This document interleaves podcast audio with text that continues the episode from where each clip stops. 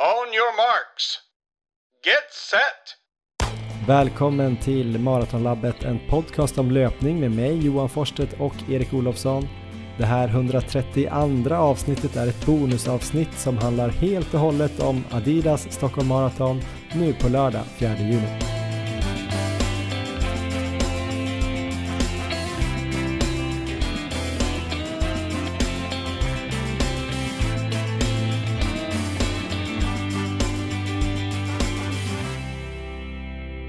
Då ska ni alltså vara välkomna till det här bonusavsnittet som ska handla bara om Adidas Stockholm Marathon som går av stapeln på lördag. Det kommer ju såklart bli helt fantastiskt och i det här avsnittet kommer vi att prata med loppets presschef Lorenzo Nesi som kommer att gå igenom vad vi kan vänta oss av själva elittävlingen då och SM. Vi kommer ha ett långt snack med vår adept Mikaela Big Mike Bergman som vi har tränat hela våren då för att springa sub 3.30 i sitt första Stockholm Marathon. Med henne kommer vi att prata om hur banan ser ut, hur taktiken bör läggas upp, eh, vädret kommer vi prata om, klädsel kanske, uppvärmning, kost och nutrition, energi innan och under loppet och sen kanske lite om träningen då sista två dagarna vi kommer dessutom under avsnittets gång då och då sticka in eh, några hälsningar från intressanta löpare som kommer att dra upp peppen inför loppet. Jag heter alltså Johan Forsstedt och med mig har jag Nordens bästa 24 timmars löpare Erik Olofsson. Hur laddad är du inför den här lilla sprinttävlingen på lördag? Jag är otroligt laddad Johan, som vanligt när det just kommer till Stockholm Marathon. Det känns alltid som årets höjdpunkt tycker jag. Eh, oavsett nu om vi ska springa all out eller springa som farthållare som det kanske blir i år så är jag riktigt laddad. Det ska bli superkul. Hur känns det själv? Jo, men det känns väldigt roligt och eh, när jag då har suttit och jobbat med det här avsnittet eller hört de här hälsningarna som ni kommer få höra, lyssnarna alltså och du får höra och intervjun med Lorenzo Nesi så har jag blivit mer och mer sugen på att uh, springa loppet uh, allt jag kan, uh, vilket jag nog inte kommer göra. Vi kommer tillbaks till det, men det ska bli väldigt, väldigt kul att få uppleva det här igen. Jag tänkte just på det här nu och jag har faktiskt varit på något sätt delaktig i alla lopp sedan 2017. Så eh, det är väl en bra tradition nu att vara med igen då, i alla fall starta det här loppet. Eh, 2017-2018 sprang jag som reporter för TV4. 2019 tror jag att jag harade dig halva ungefär. 2020 var det väl inget lopp. 2021, alltså i fjol, sprang vi ju som harar för sub 3, ett sub 3-gäng och eh, nu får vi se vad det blir då. Men ja, det känns härligt och väldigt kul att ha ett sånt fint och stort lopp i sin hemstad. Själv då Erik, hur eh, är din relation till Stockholm Marathon? Ja men den började ju här långt innan podden, när jag, det var ju det första maratonet som jag sprang och jag sprang ju flera gånger där, tre gånger. Eh, tog mig i mål på runt eh, 3.15 ungefär varenda gång och eh, upplevelsen var väl likadan och det var ju inte jättebehagligt utan det var ju rejäla väggningar och eh, ja, otroligt illamående efteråt. Men sen så har det ju blivit bättre, så att min relation har ju bara blivit bättre de senaste åren och eh, 2019 då som du nämnde här när du harade mig så fick jag ju äntligen slå pers där. Så att då kom jag ju in till slut på 2.46 tror jag. Och det var väl ett av eh, mina mer, eh, vad ska man säga, härliga maratonupplevelser. Jag kände mig liksom stark hela vägen in där och kunde avsluta bra där från Västerbron och hela vägen in. Så att det var ju ett fantastiskt minne från Stockholm. Men jag skulle även säga att förra året när vi farthull farthöll ett eh, stort sub 3-gäng, det är också en höjdpunkt för att det var, det var liksom härligt från en annan sida när man på ett annat sätt kan eh, ta in omgivningen och publikstödet samtidigt som man då hjälper andra folk att uppnå sina mål och drömmar. Så att eh, de två loppen är väl ändå höjdpunkterna för mig skulle jag säga. Det loppet 2019, eh, det måste jag nästan ranka som din bästa mara någonsin. Sett till liksom eh, status då inför loppet och hur mycket du fick ut på tävlingen. Ja, men det håller jag med om. Det var verkligen liksom en fullträff och det var ju mycket tack vare en väldigt duktig farthållare där som gjorde att jag höll mig i skinnet där första halvan. Ja, precis. Det var ju mer en fartsänkare, eller att jag hade kontroll. Jag, jag försökte inte få upp någon fart, utan jag höll ju bara nere farten. Och det var väldigt, väldigt viktigt för dig, på den tiden i alla fall. Eh, äh, grymt. Jag kommer ihåg att jag var sjukt glad där när vi, vi såg dig igen på Östermalms IP. Ja, precis. Jag fick ju avsluta där de sista två kilometerna med kramp tror jag, så att det var ju verkligen där att eh, det, på håret att det bar hela vägen in, men eh, det var ju otroligt skönt att gå över mållinjen till slut med ett nytt pers. Så det hoppas jag att många får uppleva nu på lördag. Mm, verkligen. Jag har ju bara sprungit det här loppet eh, max en gång och det var 2015, några år innan podden. Då sprang jag på 3.13.30 tror jag. Väldigt mycket kramp sista milen, eller sista sju i alla fall. Ja, det pajade nästan hälsenorna på grund av det. Det var väl då det dök upp. Eh, ändå på något sätt en eh, bana in till det vi gör nu med podden tror jag, på något sätt. Vi har ju våra minnen från Stockholm Marathon. En som har eh, väldigt många fler minnen från Stockholm Marathon och som kanske sätter ännu bättre och mer peppiga ord på, på de minnena. Det är Helena Bjälkemo. Hon har skickat en hälsning till oss och den ska ni få höra nu. Hej, Helena Bjälkemo här. Jag har haft förmånen att åka runt i världen på många olika maratonlopp. Och Stockholm är verkligen något alldeles extra. Det är ju hemmaplan för mig, så det är klart att det är speciellt. Men New York och Berlin och Paris, är jäkligt coola maror. Men atmosfären som jag har upplevt eh, i Stockholm, runt hela banan, den går liksom inte att jämföra med något annat lopp. Man får stöd hela vägen. Och stämningen på Lidingövägen precis innan start, den är liksom elektrisk. Jag tycker i alla fall inte att det finns något bättre. Eh, sen får man då som sagt stöd från publik och funktionärer hela vägen. Och det har jag upplevt på andra lopp som jag har sprungit, att ibland så är det liksom ingen där och står och hejar på en. Men i Stockholm känns det som att liksom hela stan följer en hela vägen. Jag har vuxit upp med Stockholm Marathon. Jag sprang minimaran eh, så fort jag var gammal nog för att få delta. Och I min ungdom så tävlade jag för Hässelby SK som är arrangörer av Stockholm Marathon. Så jag har också varit funktionär till säkert 15 maror. Jag har packat nummerlappskuvert, jag har krattat tomma muggar på Vallalavägen, jag har delat ut saltgurka på Sturegatan, Coca-Cola vid Stadshuset. Så jag har sprungit upp och ner längs Odengatan vid Vasaparken och langat vätska till eliten. Det var efter några år när man har avancerat upp som funktionär. Då fick man det ärofulla uppdraget. Så jag har verkligen upplevt Stockholm Marathon från olika perspektiv och tycker att det är helt fantastiskt. På lördag så startar jag min sjunde mara. Mitt sjunde Stockholm Marathon. Men jag har faktiskt bara fullföljt tre. Två veckor innan mitt första Stockholm Marathon 2008 så lyckades jag stuka foten. Då hade jag tränat i ett år och följt sånt här maratonprogram helt slaviskt. Så jag var helt förkrossad. Så jag övertalade min läkare att jag skulle få springa ett varv.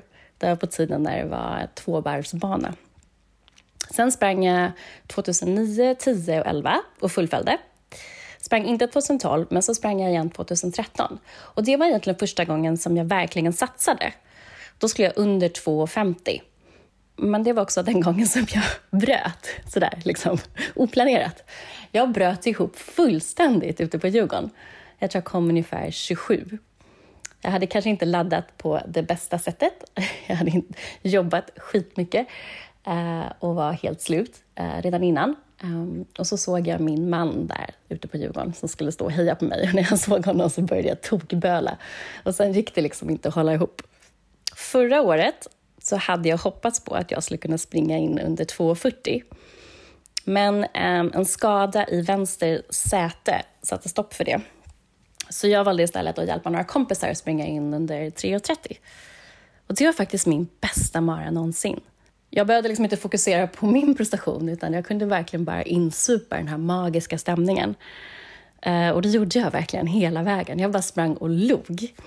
Då tror jag att jag sprang 32. Jag sprang ut ur tunneln och ner till eh, Hornsgatan. Eh, och så stannade jag där och så, så sprang jag upp och ner på Hornsgatan några gånger och hjälpte folk eh, som hade lite tufft i backen där. För det nog skulle jag säga är den jobbigaste biten, tyckte jag i alla fall, på den nya banan. Ehm, och tyvärr så eh, sätter samma skada stopp för min satsning även nu på lördag. Ah, det är så tråkigt! Eh, det, är verkligen, det är verkligen skitdeppigt. Ehm, men jag kommer till start. För jag vill verkligen inte missa den här magiska ställningen. Jag vill liksom stå där på Lidingövägen. Eh, det, finns, det finns faktiskt ett klipp, en liten filmsnutt eh, på mig som cirkulerar i Stockholm Marathons kanaler. Och det är eh, på minuterna innan starten i höstas. Jag tycker att den på ett ganska tydligt sätt illustrerar hur, hur mycket jag tycker om att få vara i det här sammanhanget. Eh, och jag vill verkligen inte missa det, även om det innebär att jag inte får springa hela vägen. Eh, så jag hoppas att jag på lördag ska få hjälpa några kompisar att nå sina mål igen och få samma härliga upplevelse som i höstas. Så får vi se hur långt rumpan låter mig springa. Sen ska jag läka ihop och så får jag satsa på att springa en mara i höst eller vinter istället. Men jag vill bara avslutningsvis eh, önska er alla som springer på lördag ett stort lycka till. Jag avundas verkligen er som får springa hela vägen in på stadion. Det är så coolt! Det är en jättetuff utmaning att springa ett maraton, men jäklar vad coola ni är som gör det. Stort lycka till! Ja du Erik, när jag lyssnade på den här hälsningen första gången eh, så eh, fick jag ju nästan lite, jag vet inte om det var gåshud, men första två, tre minuterna så kände jag så här, alltså jag måste springa loppet på lördag allt vad jag kan. Alltså det känns som ett svek mot eh, maratongruppen och eh, alla Stockholmslöpare, alla svenska löpare att inte vara med på det här loppet och köra fullt ös om man har en podd också som heter Maratonlabbet. Eh, jag bara kände hur folk skulle stå och heja på mig och jag skulle springa super, super bra. Det skulle jag ju såklart inte göra, men eh, hur kände du? Jag tycker att maratongruppen ska anställa Helena här för att prom promota Stockholm Marathon. Jag vart ju otroligt taggad här. Det var jag redan innan, men eh, ännu mer skulle jag säga. Och jag kan tänka mig att alla som lyssnar nu som ska springa blir också ännu mer taggade och de som inte har anmält sig ännu kanske slänger in en sen spontananmälan här. Så ja, men det där var riktigt peppande att höra. Kul! Ja, tråkigt med hennes säte då som har stoppat ja. henne två år i rad. Men eh, på pluskontot då så kan det ju bli så att vi kanske får springa med Helena Bjälkemo på lördag. Jag vet inte vilken startgrupp hon och hennes kompis skulle springa i men de skulle också försöka springa sub 3.30 så vi kanske kan rekrytera henne som en sån här äh, check och glad peppare till våran äh, lite mer surpeppande grupp. ja, precis. Så vi kanske ska gå in äh, just på det nu då, vad vi själva ska springa på lördag, för det har vi väl inte nämnt än? Nej, det har vi faktiskt inte. Jag föregick den diskussionen. Hur ska vi springa på, på lördag, Erik, och varför ska vi inte springa så fort vi kan? Ja, jag la ju upp ett inlägg här i förra veckan där jag skrev att jag skulle farthålla, ett inlägg på Instagram alltså. Och eh, där fick man skriva in och önska och de flesta önskningar var väl ändå på sub 3. Och det hade ju varit väldigt roligt, men jag måste ju säga att jag är inte återhämtad efter SM på 24 timmar, så att jag tror det skulle vara lite självmord för mig att ge mig på att springa i den farten ett helt maraton nu. Men det var också ganska många som skrev om 3.30 och sen har vi ju våran duktiga adept, Mikaela Bergman, som siktar på sub 3.30. Så det är det som vi kommer ge oss på att eh, farthålla nu då på lördag. Båda tror jag till och med kommer att eh, springa sub 3.30 där med Mikaela. Du är i alla fall eh, en del av banan. Ja men precis, jag har väl tänkt att jag ska springa ungefär halva eller kanske drygt halva. Fundera på om man ska springa Strandvägen i alla fall två gånger för Strandvägen i fjol var ju helt episkt eh, bra att springa på. Det var ju så mycket jubel. Jag kommer ihåg att vi höjde farten hela tiden då på Strandvägen, 5-10 sekunder per kilometer då, när vi kom in eh, där för att alla jublade så himla mycket. Så man får ju den tre gånger om man springer hela loppet, men jag tror man får den kanske två gånger om man springer typ eh, 22-23 kanske. Så det tror jag kommer bli min plan, för jag har väl fortfarande tanken någonstans på att springa en snabb, ett snabbt 10 km lopp eh, någon vecka efter här och det blir nog för hårt för mig att springa 42 Plus att jag funderar på att göra lite intervjuer till nästa poddavsnitt. Eh, så det är också för alla er lyssnares skull som jag kanske måste avbryta där för att hinna med att eh, sticka upp till staden igen och intervjua eliten. Men jag borde ju såklart haft med det här i min tävlingsplanering känner jag nu. Jag vet inte varför man inte har det. Men eh, vi får väl ta det nästa år Erik. Kanske båda springer SM-klass nästa år. Vad tror du om det? Det tycker jag är ett väldigt bra mål. Så att det, eh, ja men det kan vi väl säga, att du får kvala in till SM här i slutet av året och sen så springer vi båda SM nästa år. Annars mår vi inte heller så himla bra som sagt. Du kanske inte helt återhämtad, blev lite sjuk också efter Göteborgsvarvet. Jag lät ju hemsk också förra avsnittet. Jag var sjuk tre dagar, sen har jag försökt springa lugna distanspass. Eh, det har väl gått sådär. Mina ben är helt förstörda fortfarande. Det känns som att jag har sprungit 24 timmars fast det bara var en halvmara.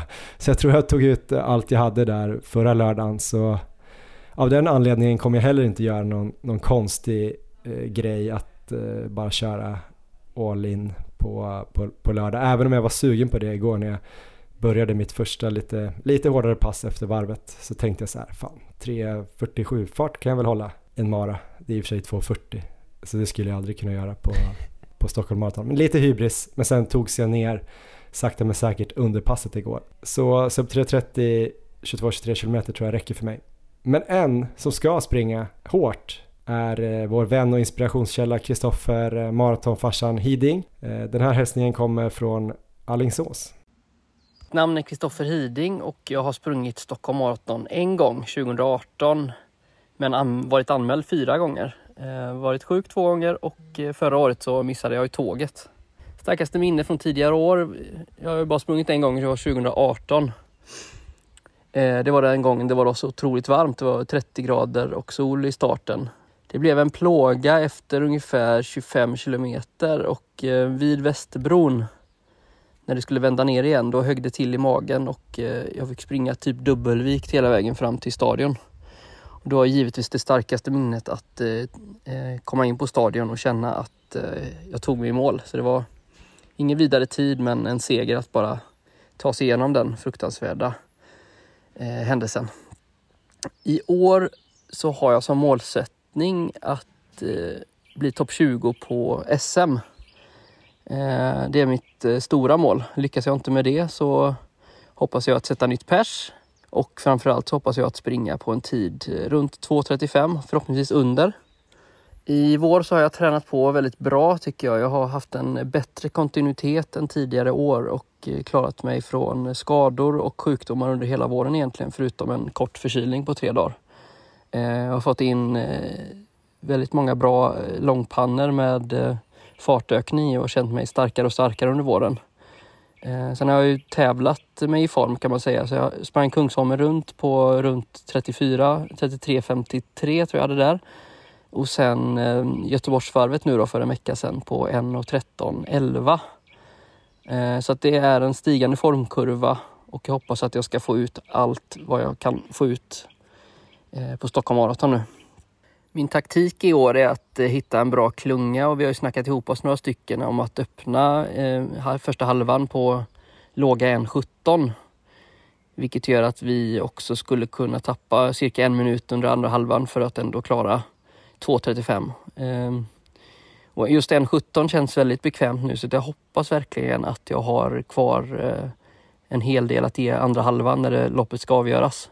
För det är ju som bekant eh, framförallt under milen på Söder som eh, man verkligen kan vägga. När det kommer till bästa del av banan så eh, gillar ju jag personligen när det är flackt. Jag är inte så jättestark i uppförsbacke.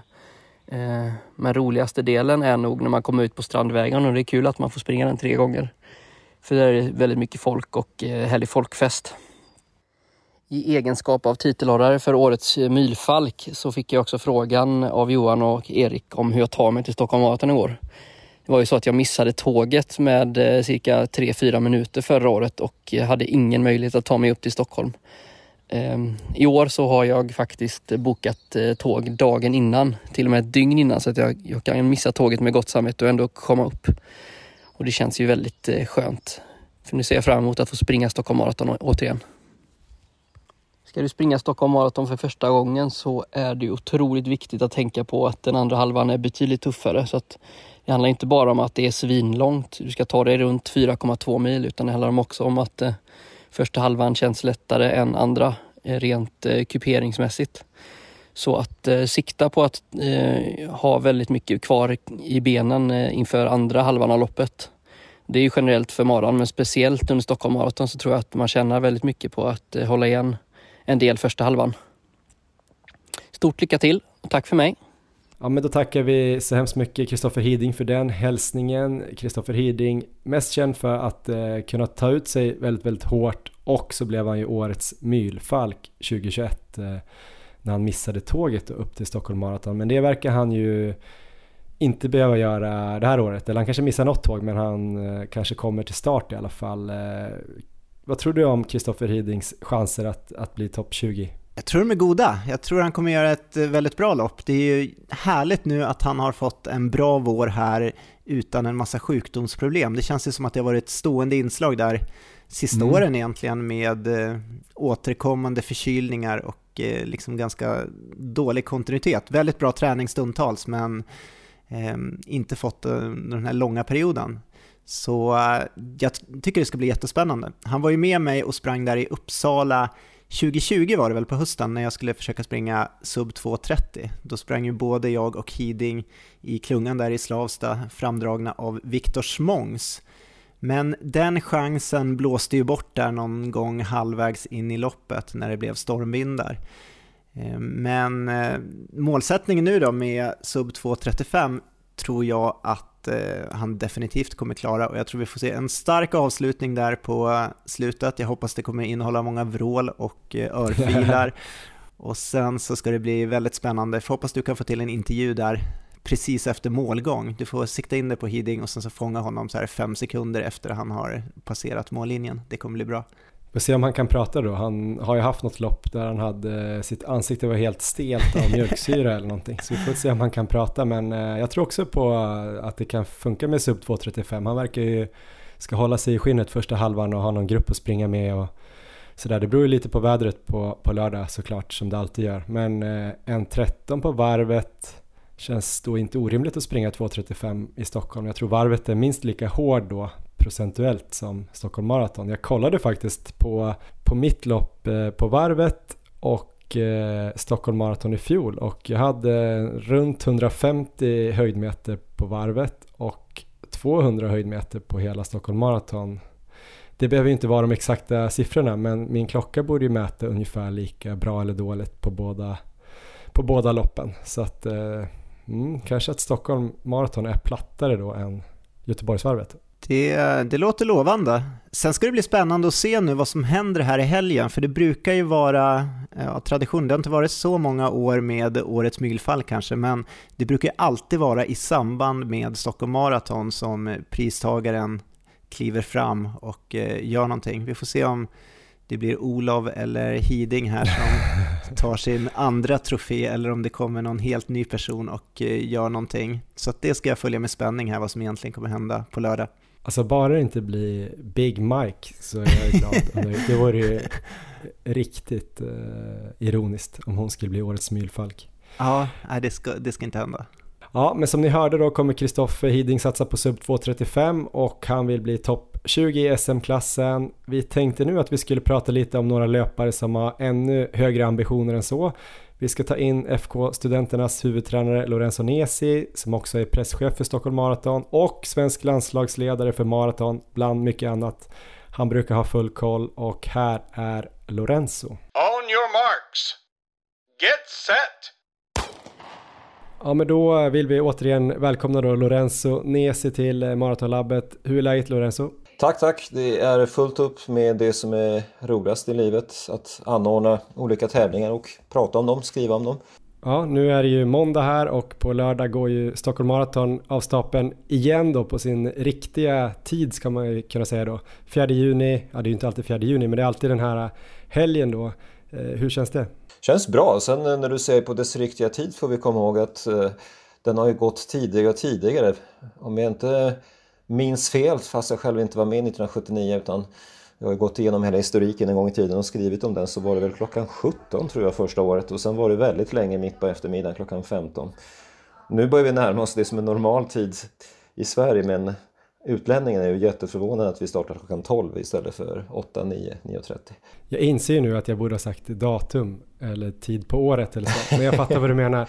Ja, men vi är annorlunda på många sätt i Stockholm. Alltså vi går ju på ovanlig datum och på ovanlig klockslag. Som vanligt brukar vi nämna att du har många strängar på din eh, löparlyra. Du är ju klubbtränare för FK Studenterna, tävlingsledare för Lidingöloppet, presschef för Stockholm Marathon.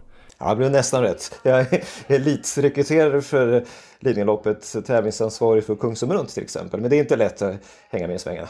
Du gör för mycket. Men nu ska Ja, vi i alla fall prata lite grann om Stockholm Marathon och vi tänkte fokusera på eh, elitdelen av den här tävlingen och kanske extra mycket på eh, SM. Men eh, först och främst då, jag fick ett eh, mail här, jag tror det var en artikel på maraton.se som kom i ett nyhetsbrev här i morse.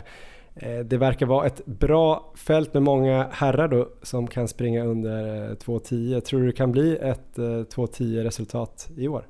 Ja, det är, det är väl två saker som avgör det. Kanske inte kvaliteten på, löp, på löparna som är, verkligen är tillräckligt hög för att göra en tid under 2.10. Utan det är väl vädret och framförallt inställningen eh, från de internationella löparna. Eh, det är ju 7-8 stycken om jag minns rätt, jag ska slå upp den exakta siffran, som har gjort 2.05, 2.06. Och i någorlunda färsk tid, annars är det ganska vanligt att man får löpare som har gjort det för många år sedan och man har ingen aning om deras form just nu. Men eh, jag har ju tagit fram en lista där man tittar på resultaten 2020 till nu. Eh, och då har vi 1, 2, 3, 4, 5, 6, 7 stycken. Strök vi precis en, sex stycken tror jag det är då, som har gjort eh, tider på 2.05, 2.06 och så bra har vi inte varit i närheten av förut. Vad är din uppfattning då om eh, Stockholm Marathonbanan jämfört med då kanske plattare banor som Berlin och Valencia? Jag vet ju inte vart de här löparna har sprungit 2.05-2.06 men hur stor skillnad skulle du säga att det är i tid på, på Stockholm då som är lite backigare? Alltså på den absolut snabbaste banan i världen som Valencia så kanske för de här killarna, det blir givetvis mer ju längre bak vi Mm. kommer i fälten. En och en halv minut, två. Ehm, Sen menar vi har ju även bana som är öppen för vind när det springer längs med vattnet. Då kan man ju tappa ännu mer. Och sen är det helt och hållet dispositionen. Sen vi ändrade banan radikalt 2018 så har vi fått en mycket enklare inledning bortsett från den korta biten upp till Odenplan där med den uppförsbacken. Men efter är det ju lätt i stort sett första 18 kilometerna. Eh, Och det kan ju leda till att man springer ju väldigt fort där och sen är man inte beredd på den andra halvan av banan. För jag kan ju säga att de här killarna som springer på 2.05-2.06 i regel har de inte minsta koll på vart de är på väg, eh, vad det är för slags bana de ska springa. Om du jämför med när du ska springa ett lopp och fundera på det i evigheter och gör poddprogram om det. Så eh, de här går bara in i ett lopp och så springer de med täten så länge de orkar. Ja. Så att de här killarna som har gjort 205-206, det är ju flera av dem som har hängt med till exempel i täten i Valencia, i Sevilla, eh, i Dubai, de här eh, jätteplatta banorna och har haft 204 fart i säkert tre mil. Och så har de dött in på 206, 207, 208. Det skulle bli bättre podd känner jag om jag och Erik slutade analysera så mycket. Att vi Ja men kanske bättre lopp för det. på. Så menar, vi svenskar eh, och eh, vi är ju så otroligt fast vid exakt vad det ska stå för tid på klockan. Och nu hade jag en kilometer på, som gick två sekunder avvek från min schema. De här killarna har ju knappt en klocka på sig. Eh, Och har de det så kanske de kollar var 50 kilometer någonting sånt. Men det är viktigt för dem att hänga med i täten. That's it. Men med det sagt då, är det någon som du tror kommer ha ambition att springa under 2.10 till exempel? Eller är det mer att vinna loppet i en sån här tävling? vinna loppet. Eh, och du vet, du kan ha olika bakgrund. Jag skulle gissa att de här eh, tiotalet östafrikaner som vi har både på här och damsidan kommer från tre, fyra olika managementstall. Eh, och du har alla varianter från någon som inte har tävlat på tre år sedan före pandemin. Eh, och det enda de väntar på är att deras manager ska hitta lopp åt dem utomlands. Du har folk som skulle sprungit i Ottawa igår, alltså eh, sex dagar före Stockholm Marathon. Där kom 25 eh, löpare inte in överhuvudtaget för att kanadensiska myndigheterna inte gav dem visum. Och så försöker de i sista minuten byta till Stockholm och säger att de ska hitta visum till Stockholm. Så hela den, det är värt ett program i sig själv att bara prata hur det är att vara internationell elitlöpare. Eh, från det jag sa nyss om att de har ingen koll på vart de är på väg och hur banan ser ut till under vilka omständigheter som plötsligt det kan dyka upp lopp. Det är inte så att man i i februari sitter och planerar jag ska springa Valencia som 70 procent av svenska eliten gör nu för tiden. Utan de frågar efter lopp, frågar efter lopp, frågar efter lopp och så plötsligt så får de ett lopp om tio dagar och så sticker de iväg och springer. Så att, att säga att en sån kille planerar att springa på 2.06, 2.08 eller 2.10, det, det finns inte. Det, det, finns inte i deras program. Om man kollar då lite på SM-klassen för herrar, eh, vad tänker du där? Du skrev ju i det här eh, utskicket här då att det är Samuel Sigai, Samuel Russom och Ebba Tuluchala då kanske som är de stora favoriterna. Gå igenom de tre och finns det någon som kan hota dem? Det är ju bara att konstatera, vi menar vi har ett SM där vi har de tre med bästa CV har pers på 206, 209 och 211. Och, det, och alla de tiderna gjorda under det senaste året, i två fall de senaste månaderna. Eh, det slår ju ut allting vi haft någonsin. Två av dessa killar har dessutom precis blivit svenska medborgare. När hände det? Eh, Ebba Toloshala blev det för... Mm, ja, båda två har blivit under de senaste månaderna, men tror det är mellan två och tre veckor. Men, och det här är jätteviktigt för jag begick ett misstag i den texten du refererar till. Eh, Segai kan inte sätta svenskt rekord eh, ännu. För han är i samma läge som Mohamed Reza är och Reza sprang ju till exempel under det svenska rekordet på 5000 meter inomhus i vintras och så gick man ut med att det var svenskt rekord men det var det inte för att han eh, är fortfarande inte klar att få representera Sverige i internationella sammanhang. Och Segai är i samma läge. Båda är ju svenska medborgare men de kan inte sätta svenska rekord. För först krävs det att Internationella Frihetsförbundet godkänner att de börjar tävla för Sverige. Innan det är gjort så kan de inte notera svenska rekord. Det gäller inte Ebba Chala för han har inte tävlat för Etiopien som är hans ursprungsland eh, på internationella mästerskap. Det har ju både Segai och eh, Reza gjort. Inte Etiopien men respektive hemländer. Men till sist då, vem tror du på av de här tre? Russum har ju haft ett riktigt hårt schema här sista veckorna med Köpenhamn och eh, Göteborgsvarvet. Ja. Om jag svarar dessutom, jag tror inte du nämnde det bland alla olika sysslor jag har, om jag nu sätter på mig landslagsledarmössan på mig med tanke på att jag ska ta ut folk till eh, både ett Europamästerskap som går i mitten på augusti och ett världsmästerskap som går i mitten på juli så är det ju flera av de här som jag hade hoppats inte skulle stå på startlinjen överhuvudtaget eller i varje fall inte få för sig att springa alla tre lopp. Eh, så att, så att eh, de får gärna ta det lite lugnt ur det perspektivet och spara det svenska rekordet. Ja men säg till Valencia de allihopa får springa för Sverige i slutet på året. Så att här krigar vi om eh, SM-medaljerna så väntar vi med rekord. Finns det någon annan då? Det finns ju några duktiga löpare, Archie Castir, Kristoffer Lås, Olle Walleräng, Daniel Lundgren. De två brukar ju inte springa maraton så ofta. Är det någon där som skulle kunna blanda sig i topp? Ja, de två sista är ju rena debutanter på distanser så det är jättespännande. Men springer man halvmaran på 1.03 som båda har gjort under vinter och våren här, ja, då har man ju klar kapacitet att gå in bland de tio bästa eh, genom tiderna i Sverige. Om loppet får den profilen. Ehm, så jag hoppas att både Danne och Olle hänger med nu och eh, slåss både om eh, SM-medaljer och om fina tider. Du vet i fjol så dammar vi av fullständigt listan över bästa svenska tider på Stockholm Marathon. Eh, jag gick igenom det här om dagen att eh, fram till i fjol var det ju knappt en enda tid som hade satts på 2000-talet, åtminstone på mm, killsidan. Eh, nu, nu blev det ju fyra stycken, om jag minns fel, som gick in på topp 10. Visserligen på den nya banan som vi kan då diskutera om den är bättre eller inte, den gamla att springa fort på. Men det är ju ingen tvekan att eh, skor och annat gör att vi har en helt annan eh, eh toppbredd också på svensk löpning. Om vi hoppar över till damklassen då. Favoriter där då, förutom SM-klassen, finns det några kanoner även på dam, damsidan? Alltså, nu nämnde vi inte ett enda namn ens av eh, våra internationella löpare och det är ju för att det är otroligt svårt att peka ut. Så jag tror att hade vi gjort baklänges den här intervjun inför de tio senaste upplagorna av Stockholm Marathon så hade det varit helt omöjligt i förväg att säga ja, ja, ja, det är ju den och den som kommer att vinna. För att det, det, det, här är på något vis en anonym grå massa även för en löparexpert som jag. Mm. och där är det helt omöjligt att veta vem som just eh, har den bästa formen av löpare som vi inte har följt förut eftersom det finns eh, myriader av löpare i framförallt Kenya, Etiopien men även Eritrea, Uganda och i viss mån Tanzania. Så att därför säger jag inga namn utan titta på de som har startnummer 1 till 10 om ni går upp på startlistan respektive 101 till 110 så hittar ni eh, Jag har ju faktiskt nummersatt dem utifrån någon slags känsla eller 2022-tiden som jag nämnde förut. Mm. Eh, men eh, tittar vi på, på svenskorna så är det inte alls lika många med som på här sidan. Vi har ju våra VM-löpare David Nilsson och Karolina Wikström på startlinjen men i form av farthållare. Så de ska ju inte springa hela vägen och ska ju inte slåss om SM-medaljer. Hanna Lindholm är ju en sån som då vill springa allt. Och vi är vana sedan i fjol att hon startade väl sju maror och gick i mål på de sex sista på tiden mellan 2.29 och 2.35. Hon ska ju göra trippen. Och för jag har förstått så eh, har hon eh, försäkrat att hon ska ha lite handbroms på eh, under loppet på lördag för att kunna fortsätta träningen eh, för fullt till eh, VM och EM.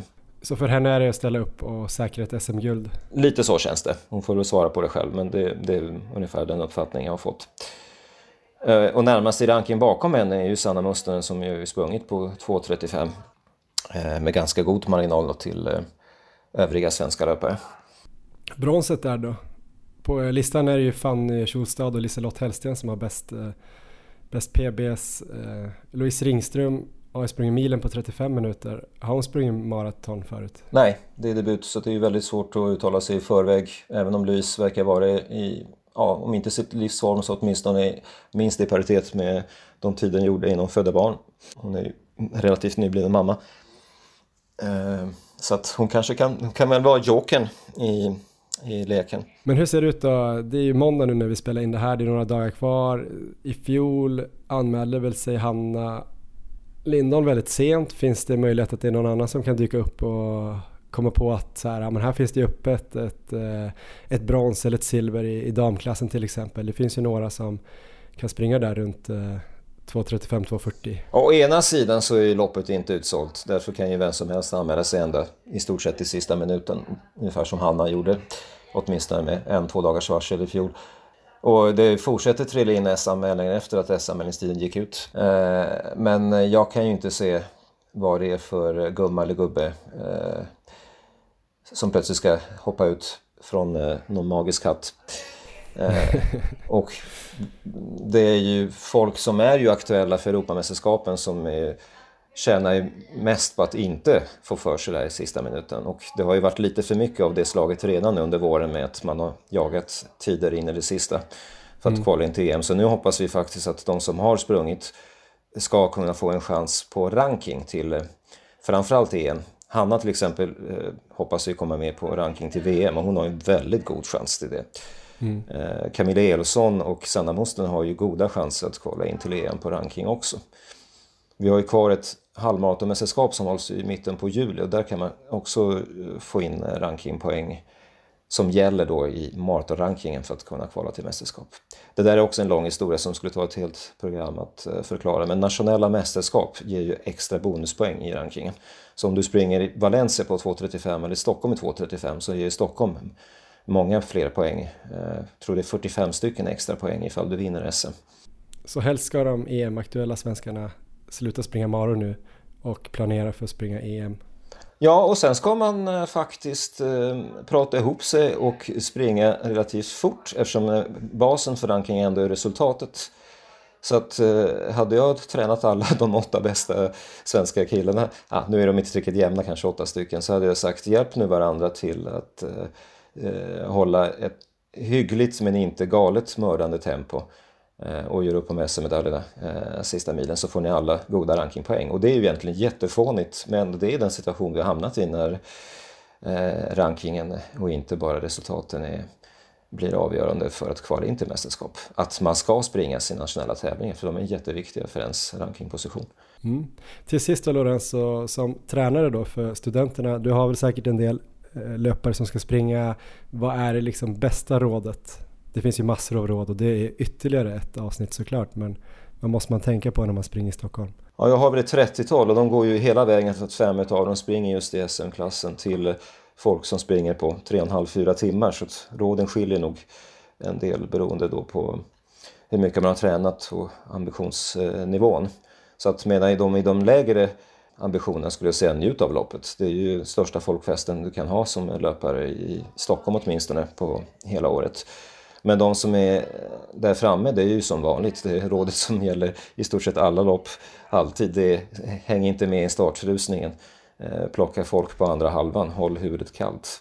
Det, det är ett gott råd som eh, gäller alltid. I Stockholm är det oerhört svårt på den nya banan att springa negativa splits på grund av, som jag beskrev tidigare, att den är så pass enkel i början. Men placeringsmässigt går det att tjäna jättemycket. Och sen glöm just den där klockan som jag sa förut. Det är återigen att konstatera att man springer på den och den tiden och drar för många växlar, eller ännu värre, nu har jag två pulsslag över vad jag bestämt att jag skulle ha. Eh, det kan stjälpa många lopp. Försök att gå mycket mer på, på känsla. Och är man riktigt duktig, är man med och slåss om de här SM-placeringarna, då ska ju tiden egentligen spela en underordnad roll, utan där ska man ju plocka skalper.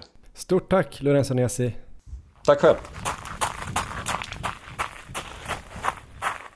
Ja men det där var alltså Lorenzo Nesi, mycket siffror och fakta och lite torr humor. Erik Olofsson, du njöt när du lyssnade på det här va? Ja men det gör jag. Det här är så bra. Det här är en tradition som jag vill ha varje år inför Stockholm Marathon. Jag vill höra Lorenzo sitta och eh, snacka upp loppet. Eh, så ja, men om man säger att Helena fick mig väldigt sugen på att springa Stockholm Marathon så får Lorenzo mig att bli väldigt sugen på att sitta och titta på sändningen och bara mm. följa loppet. Nej, det här är bra. Det är informativt, det är inspirerande. Eh, alltså att jag, jag gillar att höra Lorenzos uppsnack här, så det var väldigt spännande att höra. Ja, men det verkar ju som att det skulle kunna då bli en väldigt, eh, ett väldigt snabbt lopp. Eh, men vi får väl se, det brukar aldrig bli det när man tror att det ska bli det. Men eh, kanske första sub 2.10 och det kommer bli spännande i SM-klasserna. Erik, du brukar ju faktiskt tippa då plats 1-3 i herr SM-klassen respektive dam-SM-klassen. Om vi börjar med herrarna då, hur kommer det sluta i år? Ja, men det ska bli spännande att följa. Jag tror ju att eh, alltså de två som kommer ta guld och silver är väl troligen guld till Tsegai och silver till Russum. De har ju imponerat väldigt mycket på slutet. Risken är väl ändå att de kanske går med tätklungan väldigt länge och att någon av dem spränger sig. Eh, mm. De brukar ändå vara rätt stabila båda två och eh, springa bra. Segai är den som har gjort bäst maratonresultat så att jag sätter ändå han som eh, vinnare i SM-klassen och eh, Russom som tvåa. Sen så tredjeplatsen är ju öppnare och där kommer jag köra ett skrälltips. Ah, cool. Så att eh, som trea kommer jag sätta Danne Lundgren. Ah. Eh, han, jag såg honom här på långlöparnas när han sprang 10 000 meter och det var imponerande. Jag satt och kollade på streamen där, han såg hur stark ut som helst. Han har sprungit halvmaraton bra i Berlin i år på 1.03. Hans Strava har inte varit så mycket action på sista veckorna så jag kan inte riktigt ha koll på hur han har tränat där. Men eh, formen var ju uppenbarligen riktigt god här, visade han på långlöparnas. Och innan eh, under våren där så hade han ändå en hel del imponerande långpass i träningen.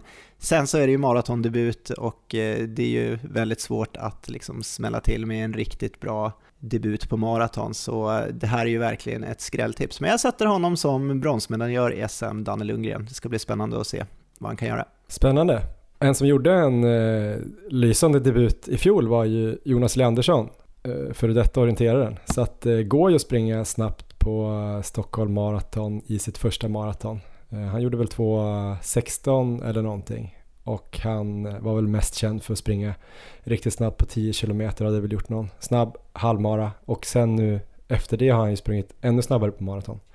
Så det kan ju bli så att ditt tips ändå slår in om nu Daniel Lundgren har kört lite bra långpass. Det ska bli kul också att se Archie Castile såklart, som har varit med i podden. Verkligen. Kristoffer Lås som var med för inte alls så länge sedan, som har sagt att hans stora mål är att gå med täten så länge han orkar. Jag vet inte exakt hur bra den eh, taktiken är eller kommer vara. Men det är ändå kul att spänna bågen och går det inte superfort så kan han nog eh, klara sig kvar där rätt länge, eller vad tror du? Det är ju jättespännande, det känns lite som så här Galen Rupp-taktik nästan. Och mm. ibland mm. så håller det för honom. Han har ju några lopp ibland som är helt magiska och sen så väggar han ibland och får ju jogga in men eh, det, är ju, ja, blir väldigt spännande att, att eh, se Nej, men Kristoffer Lås är ju helt klart en medaljkandidat här på SM också. Han är ju väldigt stabil och eh, väldigt bra på maraton. Mm. Om vi går över till damklassen då. Vi pratade lite om Hanna Lindahl, Sanna Mustonen, Fanny Schulstad nämnde vi också med Lorenzo där. Är det de tre du tror kommer ta guld, silver och brons? Ja, men det är det. I precis i den ordningen också, så Hanna guld, Sanna tar silver och Fanny tar bronset det finns några bra tjejer till där som kan vara med och slåss om bronset. Men Fanny är väldigt stabil och eh, hon har ju tagit eh, kliv här i år så att eh, jag tror väldigt mycket på henne. Jag tror hon kommer göra ett väldigt bra lopp och hon, ja, jag tror hon tar medalj. Annars har vi ju Liselott Hellsten som också har gjort, eh, tror jag, någon minut sämre som PB än Fanny och sen där kanske vi har en outsider. Vi nämnde väl där Louise Ringström som har gjort 35-11 på, på milen men som inte har sprungit maraton tidigare. Det är väl 35-11 är väl bättre än vad Fanny har gjort på milen i alla fall. Sen är ju Fanny väldigt eh, stabil och uthållig. Hon har ju nästan samma fart på milen känns det som på maraton. Eh, men det kan ju kanske vara en liten outsider. Ja, absolut. Det ska bli spännande att se dem också där. Så att ehm, mm, det blir ju spännande både i herrklassen och damklassen, även om damklassen kanske just när det gäller vinnaren eh, ser hyfsat klar ut. Vi får se om Sanna kan slå till med ett riktigt bra lopp. Hon kanske kan utmana Hanna. Vad tror du om det? Ja men det vore väl kul om det skulle kunna bli en liten kamp i alla fall om, eh, om guldet. För Sanna har ju haft det här som sitt huvudmål länge. Medan Hanna har sprungit eh, ganska många olika lopp och eh, verkar väl mest då, om man ska tro Lorenzo, vara här i Stockholm för att ja, men säkra SM-guldet och ta det som ett bra träningspass. Och eh, Sanna inte så långt efter så får hon på en fullträff så det kanske kan bli lite kamp ändå. Och eh, det är ju maraton, vad som helst kan ju hända såklart. Ja, precis. Så det kanske blir en bra klunga där med Hanna, Sanna och eh, Hiding där på slutet. Vad tror du om det? tror jag kan bli riktigt kul att följa. Ja, men det ska bli spännande att se det upploppet. Hoppas jag får vara där och bevittna det då på stadion. Eh, vi ska få en hälsning till Erik och vi ska få en hälsning från en som då du tror kommer ta SM-brons på eh, lördag. Varsågoda Fanny Schulstad. Hej alla poddlyssnare! Fanny Schulstad här från Örebro. Hoppas att ni är många som ska springa i Stockholm på lördag. Eh, för mig blir det mitt femte Stockholm Marathon, sprang mitt första 2016. Eh, inför årets lopp har det blivit en lite annorlunda eh, träningsperiod. Jag sprang Hamburg Marathon här för drygt fem veckor sedan och därför blev det en ganska sen anmälan till Stockholm. Eh, helt enkelt för att jag ville avvakta och se hur kroppen återhämtade sig. Så att eh, efter Hamburg där blev det en vecka helvila och sen blev det väl två veckor med väldigt lugn träning, eh, mestadels distanspass. Eh, och två senaste veckorna har jag och min tränare Mikael Kron fått in lite kvalitet. Bland annat ett långpass på 35 kilometer med eh, en liten tuffare eh, del. Så jag får helt enkelt förlita mig på att den träning som jag gjorde inför Hamburg sitter i och att kroppen har hunnit återhämta sig för att klara av ytterligare en mara här till helgen. Då. Eh, planen blir därför att gå ut i ett tempo som känns bra för dagen, så jag kommer kolla mindre på klockan än vanligt och istället försöka känna efter vad kroppen är ja, kapabel till för dagen. Eh, halvvägs in i loppet så tror jag att jag har ganska bra koll på hur, hur kroppen ska kännas för att jag ska kunna klara av att pressa mig genom andra delen av, av loppet. Och som ni säkert vet så gäller det att ha lite krut kvar till andra delen som ja, är något tuffare än den första. Med lite stigningar på Söder som avslutas med eh, Västerbron. Eh, annars är väl mitt bästa tips att inte dra för stora slutsatser av de tunga stunder som kan dyka upp både fysiskt och eh, mentalt under loppet. Eh, en kilometer kan kännas rent av bedrövlig, men sen kan nästa kilometer kännas mm, super. Så att eh, jag har lärt mig att inte dra för stora slutsatser utan det, det kan vända fort. Enligt mig så är banans klart tråkigaste del vändan ute på Djurgården. Eh, där är det oftast ingen publik. Så här är mitt tips att försöka ligga i en klunga eh, som du kan hitta lite energi och som gör att du håller tempot. Eh, och när du har lämnat Djurgården så kan du ju dessutom eh, glädjas åt att du har gjort mer än halva loppet. Eh, annars så tycker jag att banans absoluta höjdpunkt är längs med Norra strand. Eh, dit kommer man efter drygt 35 kilometer. Där brukar det vara riktigt mycket med publik som dessutom brukar vara väldigt högljudd. Så att där är tipset att suga i sig så mycket energi som bara går eh, inför de sista sju kilometrarna. Jag önskar alla som ska springa på lördag ett stort lycka till och jag hoppas att vi ses eh, trötta men glada i målområdet. Ha det fint, hej då! Ja, men det ska bli spännande att se Fanny Schulstad på lördag om hon har återhämtat sig efter Hamburg. Eh, Erik Olofsson, både du och jag har väl haft någon typ av relation till Fanny ända sedan vi började. Hon har väl blivit bra ungefär samtidigt som vi haft den här podden. Du var ju på träningsläger med henne i Alcudia för några år sedan och sprang mycket med henne på de träningspassen. Ja, precis. Vi körde ju, det var ju när jag var nere med Team Munt där, när hon tränade för Christian. Och då hade vi väl, båda kvalitetspassen körde vi tillsammans då, två långpass. Eh, och hon är ju hon är så otroligt liksom stabil på de här långa distanserna. Det känns ju verkligen som att hon kan eh, hålla sin 10k-fart nästan ett helt maraton. Eh, så att eh, jätteimponerande var det liksom redan då att se Fanny och nu i år så ser det ut som att hon har tagit liksom några extra kliv. Så det är ju pers både på 10 km och på maraton. Så att jätteroligt att se. Eh, men det ska bli spännande att se här i Stockholm om hon har lyckats återhämta sig från Hamburg. Jag tycker ändå det låter som det för att mm. med det här 35 km passet med liksom en progressiv avslutning, fixar man att köra ett sånt pass några veckor bara efter så har nog återhämtningen gått ganska bra.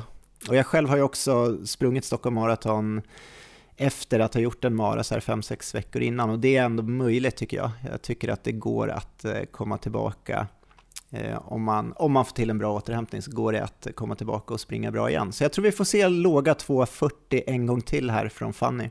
Och det låter ju klokt att hon inte har stressat efter Hamburg. Hon tog ändå en hel vilovecka och sen en lugn vecka innan hon började träna och bara körde något längre hårt pass och sen eh, trappa ner igen. Så att eh, det låter som att hon kanske inte behöver vara alltför sliten. Det ska bli jätteintressant såklart. Hon krossade mig i Valencia också, bör vi lägga till, i fjol 2021. Bara swishade förbi i sitt blåa Örebro-linne.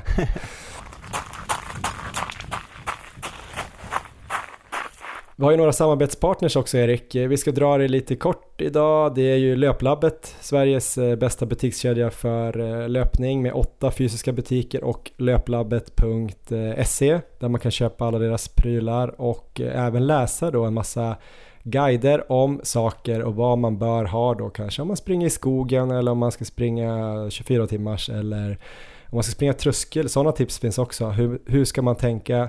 Det finns ju också en video där med Sveriges eh, bästa maratonlöpare just nu som dock inte ska springa på lördag, i alla fall inte eh, mer än som farthållare, Carolina Wikström. Så gå in och kolla på det, löplabbet.se.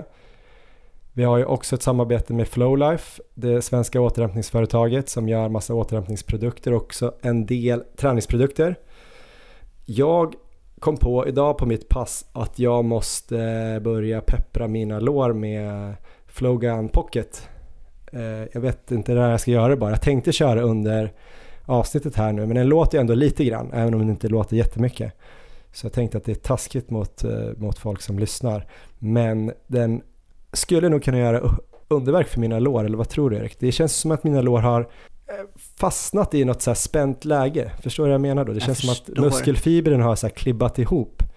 Eh, så att jag känner som att jag behöver liksom luckra upp det där på något sätt. Ja, jag förstår precis vad du menar Johan. Jag har haft den känslan i ett antal veckor nu. Det är som att jag har lite så konstant träningsverk. Så att jag, jag är i precis samma läge som dig. Jag kör också Flogan Pocket, jag kör Flow Pillow och eh, Ja, nej, men det, vi har mycket tid tillsammans, jag och de här produkterna just nu, så att jag hoppas väl. Det, det har blivit bättre och bättre måste jag säga, så att eh, igår fick jag till ett eh, ganska bra långpass, så att jag tror verkligen det har hjälpt. Eh, så eh, när man liksom kommer i det där läget efter loppen så är de här produkterna värda guld.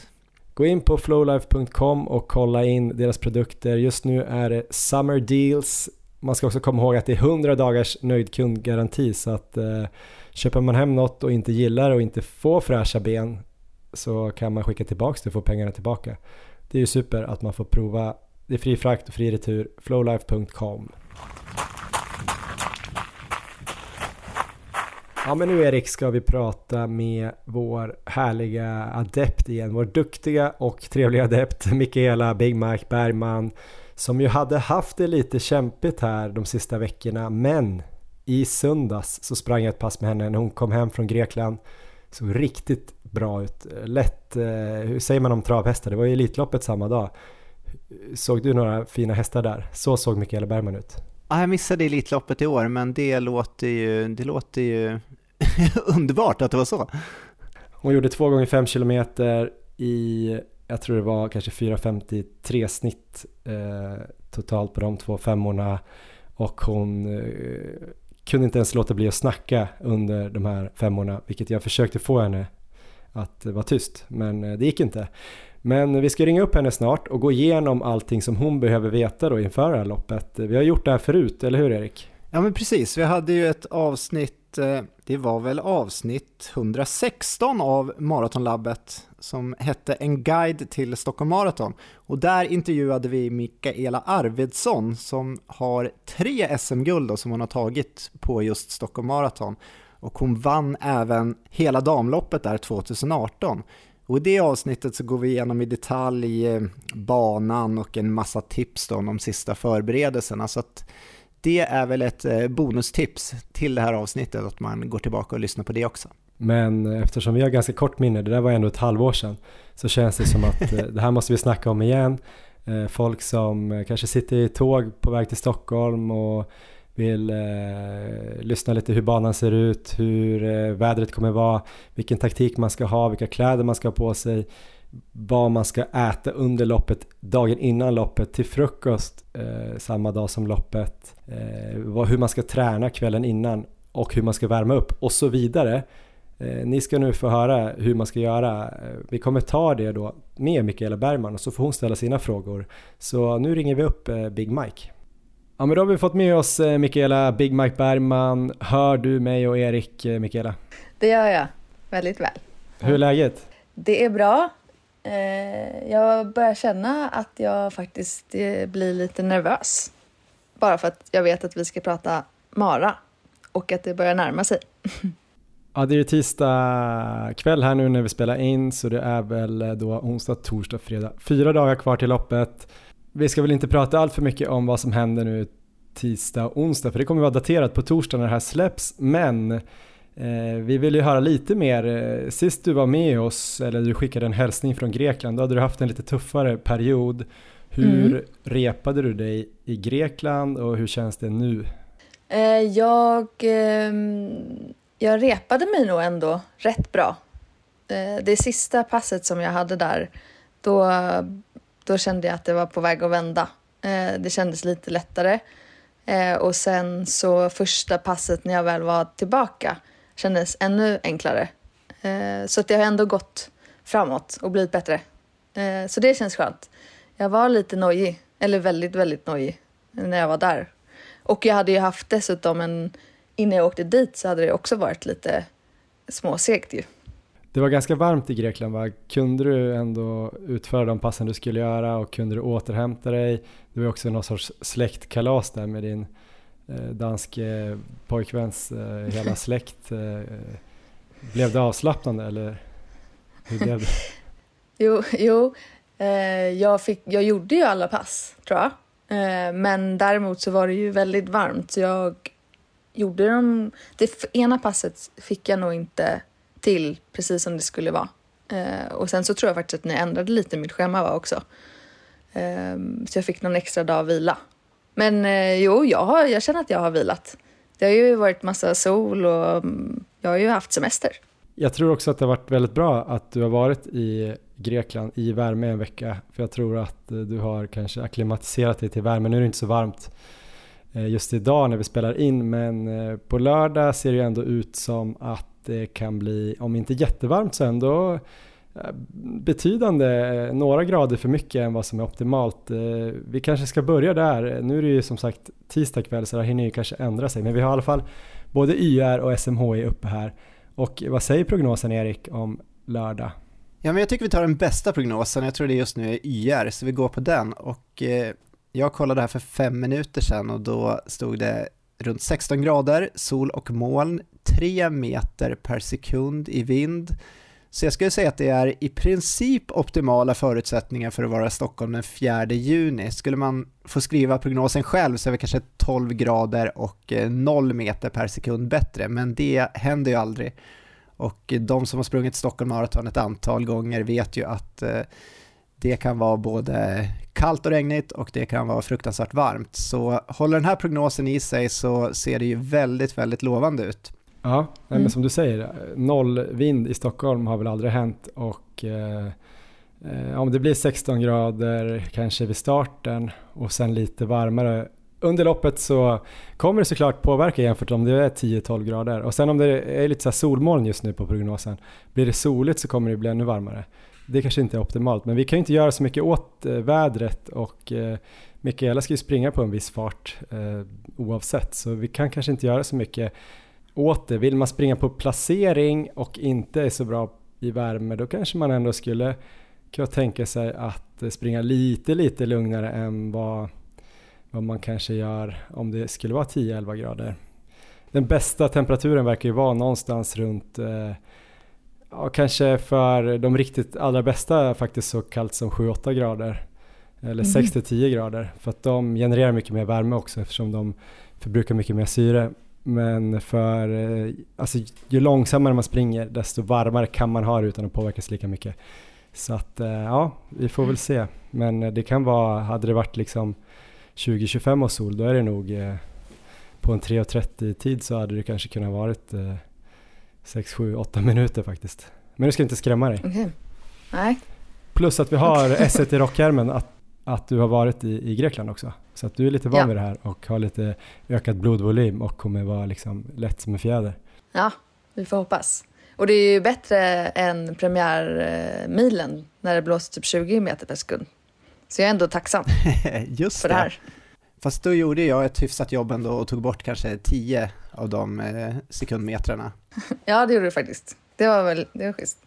Men det var ju fortfarande ganska rejält tufft då, men det klarade du utmärkt, så det här kommer också gå alldeles utmärkt. Det som jag är lite orolig över, ehm, för vädret kan vi ju inte påverka, men det vi kan påverka är ju vad vi har på oss när vi springer i Stockholm på lördag. Och Johan har nämnt för mig här Mm. att eh, du har ett par väldigt eh, varma favorit-tights eller något liknande som du har planerat att springa i på lördag. Stämmer det här? Ja, jag är ju ingen shortsperson. Så jag, jag hade ju siktat in mig på att ha mina favorit-tights. Och det är ett par, ett par långa tights då? Det är ett par långa tights. Eh, Men jag har ju förstått att eh, det, det ska jag inte ha. Ja, nej, det låter lite varmt. Jag vet inte om de dessutom är svarta, men eh, det tror jag inte kommer behövas här på lördag. Om du inte känner att de Nej. för med sig extremt mycket tur eller något sånt där, att det har någon super placebo-effekt. Så att, Om det eh, är sådana tights som du inte tvättar för att de för tur med sig så vill vi helst inte att du ska ha dem i, i vår klunga heller. Det kan vara så, men jag, jag lovar att inte ta dem. Ja, så, eh, så shorts eller korta tights är väl att rekommendera där. Mm. Eh, andra saker man kan Ja. tänka på under loppet är väl just om det blir soligt så kan man försöka söka upp eh, skuggiga partier. Nu kommer du ha lite Mm. hjälp här med farthållning och sådär så att vi ska, får väl försöka hjälpa med den biten. Men det kan ju vara en bra sak för alla som ska springa då på lördag att ha med sig om det är eh, mycket sol helt enkelt. Där det går, försöka springa i skugga. Just det.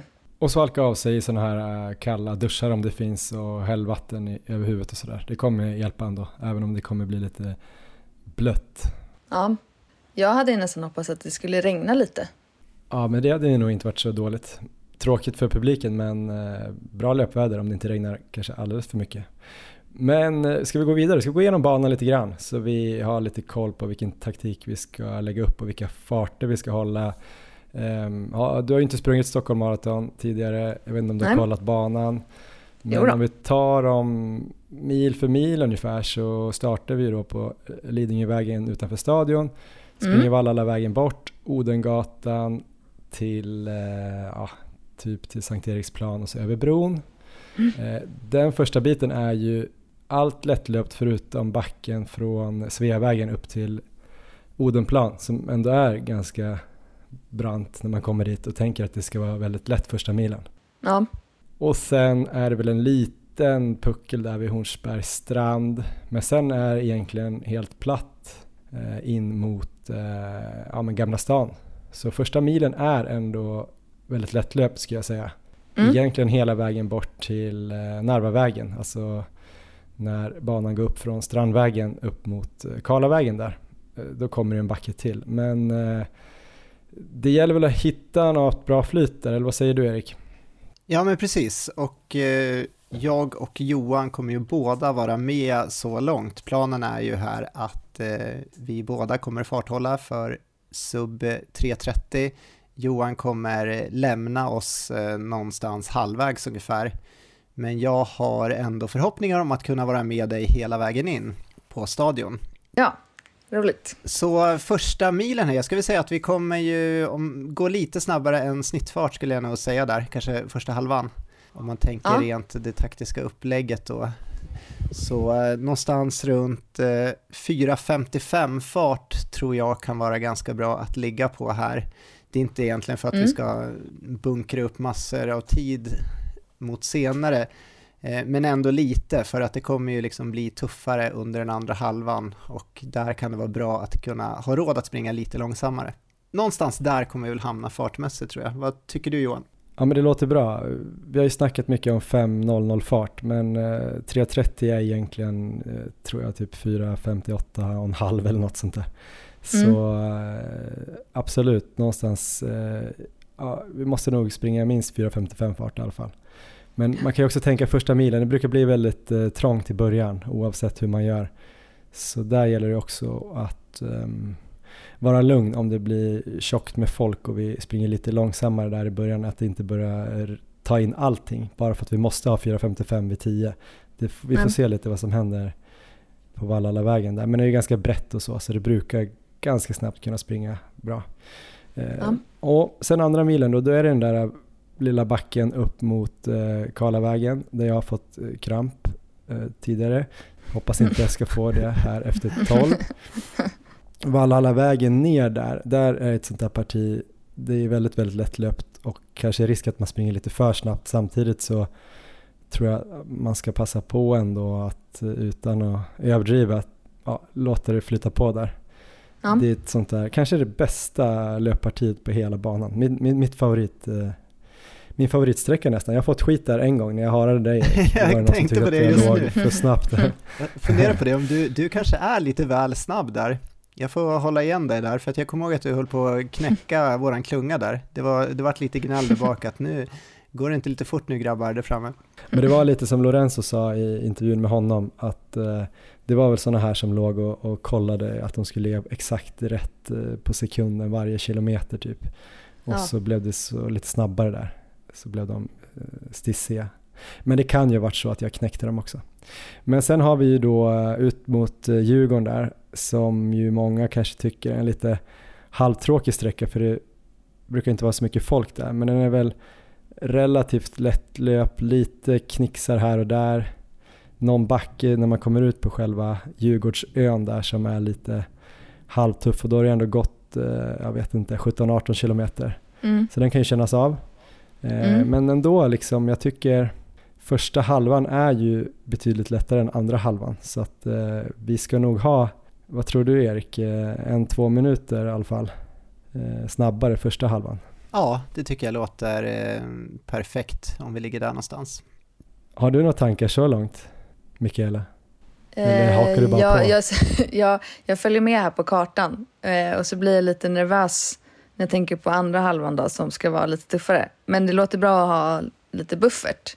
För jag, när jag kikar själv så tänker jag ju då på typ Västbron. Känns ju som att den kommer sno lite tid. Mm. Och sådär. Ja, men eh, när den vänder in tillbaks där in i stan då, Strandvägen igen. Man springer Strandvägen tre gånger och det är ju fantastiskt eh, att göra det. För det var så mycket folk där i höstas, jag tror kanske det kommer vara ännu mer nu när pandemin ja, verkar vara borta och eh, det kommer vara fint väder och sådär. Så det, där får du bara njuta. Och sen ja. Eh, när man kommer till Gamla stan, det är väl då någonstans det, det börjar med backen upp eh, mot Hornsgatan där, mm. över Slussen. Så det är den första, första backen. Och sen svänger man ju runt och springer den här Stadsgårdsleden som är rätt trist. Och sen mm. är det ju backen upp mot Folkungagatan som kanske är den andra stora backen på Söder. Just det. Eh, springer man in i tunneln eh, till Hornsgatan igen och sen har vi då backen upp där vi på Lundagatan som är lite jobbig och sen Västerbron. Så där har vi Mm. väl i alla fall fyra backar som är betydande. Ja, Eh, Så det betyder ju att vi, som du säger, kanske ska ha lite tid i backarna och det är väl ändå en bra taktik att dra ner på tempot i backarna och eh, ta dem med god kontroll och inte knäcka sig där, eller vad säger du? Jag tycker det kan vara en bra strategi att lägga sig i kanske 5-10 fart där uppför Folkungagatan och över Söder där när det går lite mer uppför. Att vi fokuserar på att försöka hitta en jämn ansträngning snarare än jämn fart hela vägen. Så att vi ändå inte liksom behöver ta i mycket mer där uppför Söder. Det kommer säkert bli lite mer ansträngande men inte så att det blir den här chocken när man liksom börjar gå uppför där. Så att eh, som mål då en jämn ansträngningsnivå och eh, att vi har råd där att eh, gå lite lugnare uppför tror jag kommer vara rätt strategi. mm. Men då har vi någonstans eh, allt klart för oss till eh, 35 då, när vi har sprungit över Västerbron. Då är det ju bara 7 kilometer kvar. Då kommer ju du sprinta resten, eller hur Mikaela? ja, då tror jag att jag kommer känna mig som absolut piggast Nej, men efter kommer, Västerbron. ja, men kommer man till 35 med, med hyfsad värdighet så är det ju platt kan man ju komma ihåg då ända in till eh, då är det ju bara egentligen eh, den sista backen där uppe igen då som man har Narvavägen upp mot Karlavägen som är lite jobbig men det är ju platt i nästan fem kilometer från eh, Rålambshovsparken in till ja, Djurgårdsbron och mycket Mm. folk där både längs Norr och sen eh, in i stan och eh, runt Kungsträdgården och sen Strandvägen. Så att det där är ju bara att försöka bita i och ta in jublet, eller inte ta in jublet som jag gjorde i Göteborg och bara skrika tyst till mig och Erik om vi peppar dig. Det beror på lite hur jag är på för humör. Men eh, Jag, jag hoppas att jag ska hålla humöret uppe. Eh, men en fråga här då.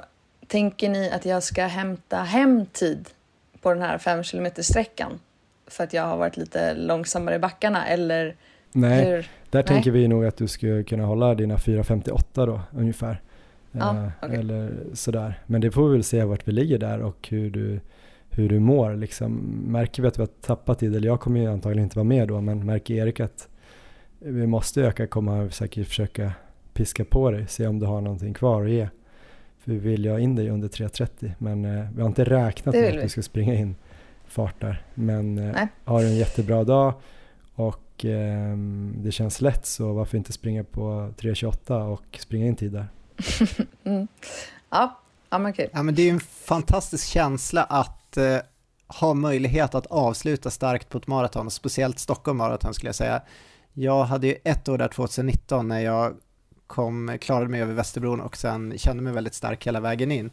Och det är dels fantastiskt att man liksom kan eh, springa med en bra känsla, ligga på bra, eh, liksom ta in eh, hela publikstödet som kommer då och dessutom passera väldigt många löpare som har gått ut för hårt, väggat mer eller mindre och när man då känner sig stark och dessutom får den lilla peppen också, att man ser det och känner det när man springer om mycket folk är ju helt fantastiskt. Och jag har även varit då på den andra sidan, många fler gånger ska jag säga, att jag har varit en av dem som har blivit omsprungen där på slutet, gått in i väggen och den känslan är ju det motsatta. Så eh, dels för dig på lördag och alla andra som springer så är det ju, det är därför vi går igenom med alla de här bitarna, att man kanske ska ta det lite lugnare upp för söder och eh, lägga upp loppet smart, inte rusa i början till exempel, som ju är något som väldigt många brukar göra. Eh, Så får vi Mm. hoppas att eh, så många som möjligt på lördag kan komma över Västerbron med den här härliga känslan att eh, ha möjlighet att avsluta starkt hela vägen in. Och Ja. sen tänkte jag på en sak Mikaela, det har vi inte snackat om. Vi tänker ju att du ska klara det här. Men Mm. vad tycker du om du börjar känna att du får slita lite för tidigt? Vill du ändå hålla dig kvar att vi kör den farten som är tänkt till varje pris och så får du istället totalbonka eller bryta eller vill du då att vi ska ta ner farten och kanske få in dig på typ 3.33? Det är ändå en bra fråga. Ja, det är en bra fråga. Eh, jag tror att jag kommer göra allt för att hamna under 3.30. Ja, så det är allt eller inget. Ja. Ja, Då har vi i alla fall bestämt det. Eh, sen tänkte jag en annan grej, nu har vi gått igenom taktik hur vi ska springa loppet, eh, mer eller mindre i alla fall. Jag tänkte bara två grejer. Eh, vi var inne på det lite grann innan med vinden där och Eriks stora rygg. Eh, även om det bara är 2-3 sekundmeter, det kan ju också ändras på prognosen och det kan ju vara något ställe som är mer öppet. Försök att ligga bakom oss hela tiden eller till och med om det är flera som är med den klungan. Alltså det är ändå märkbart, det kommer liksom göra några sekunder. Om Ja. man är noggrann med det och inte springer liksom bredvid för att man tycker att det är typ pinsamt att man får för mycket hjälp eller så eller vill springa och snacka med oss. Eh, Så ligg bakom och en annan grej då, just att snacka med oss, gör inte det heller.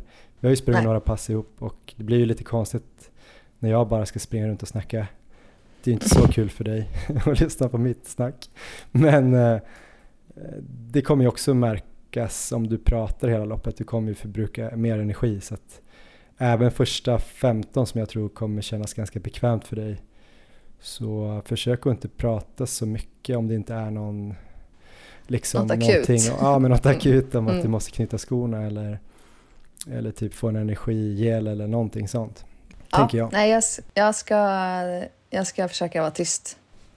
Ja, du kan ju säga små Så- glada tillrop. Ja, men jag ska, jag ska inte berätta någon eh, historia eller... Nej, vad jämnt ni springer. Kan du säga. Det ska jag. Snyggt steg Erik. Ja, eh, ja men det var väl Men ganska... ni kan ju prata. Ja men vi det kan, kan ju absolut prata. Ja, det är, okej ju, för det är kanske är bra liksom, att bli distraherad av att höra, höra er prata loss där fram. Vi kan köra ett poddavsnitt typ Mm. där framme. Eh, ja men vi går vidare. Jag tänkte bara, nu släpps det på torsdag så då eh, träning sista, sista tiden inför loppet är ju inte så mycket att snacka om. Vi har ju tänkt att du ska vila torsdag. Du kommer få Mm. köra 5 kilometer, alltså onsdag i, i marafart. Mm. Möjligtvis att vi delar upp den på något sätt men att typ två gånger två och en halv eller någonting. Men runt eh, 20-25 minuter i marafart.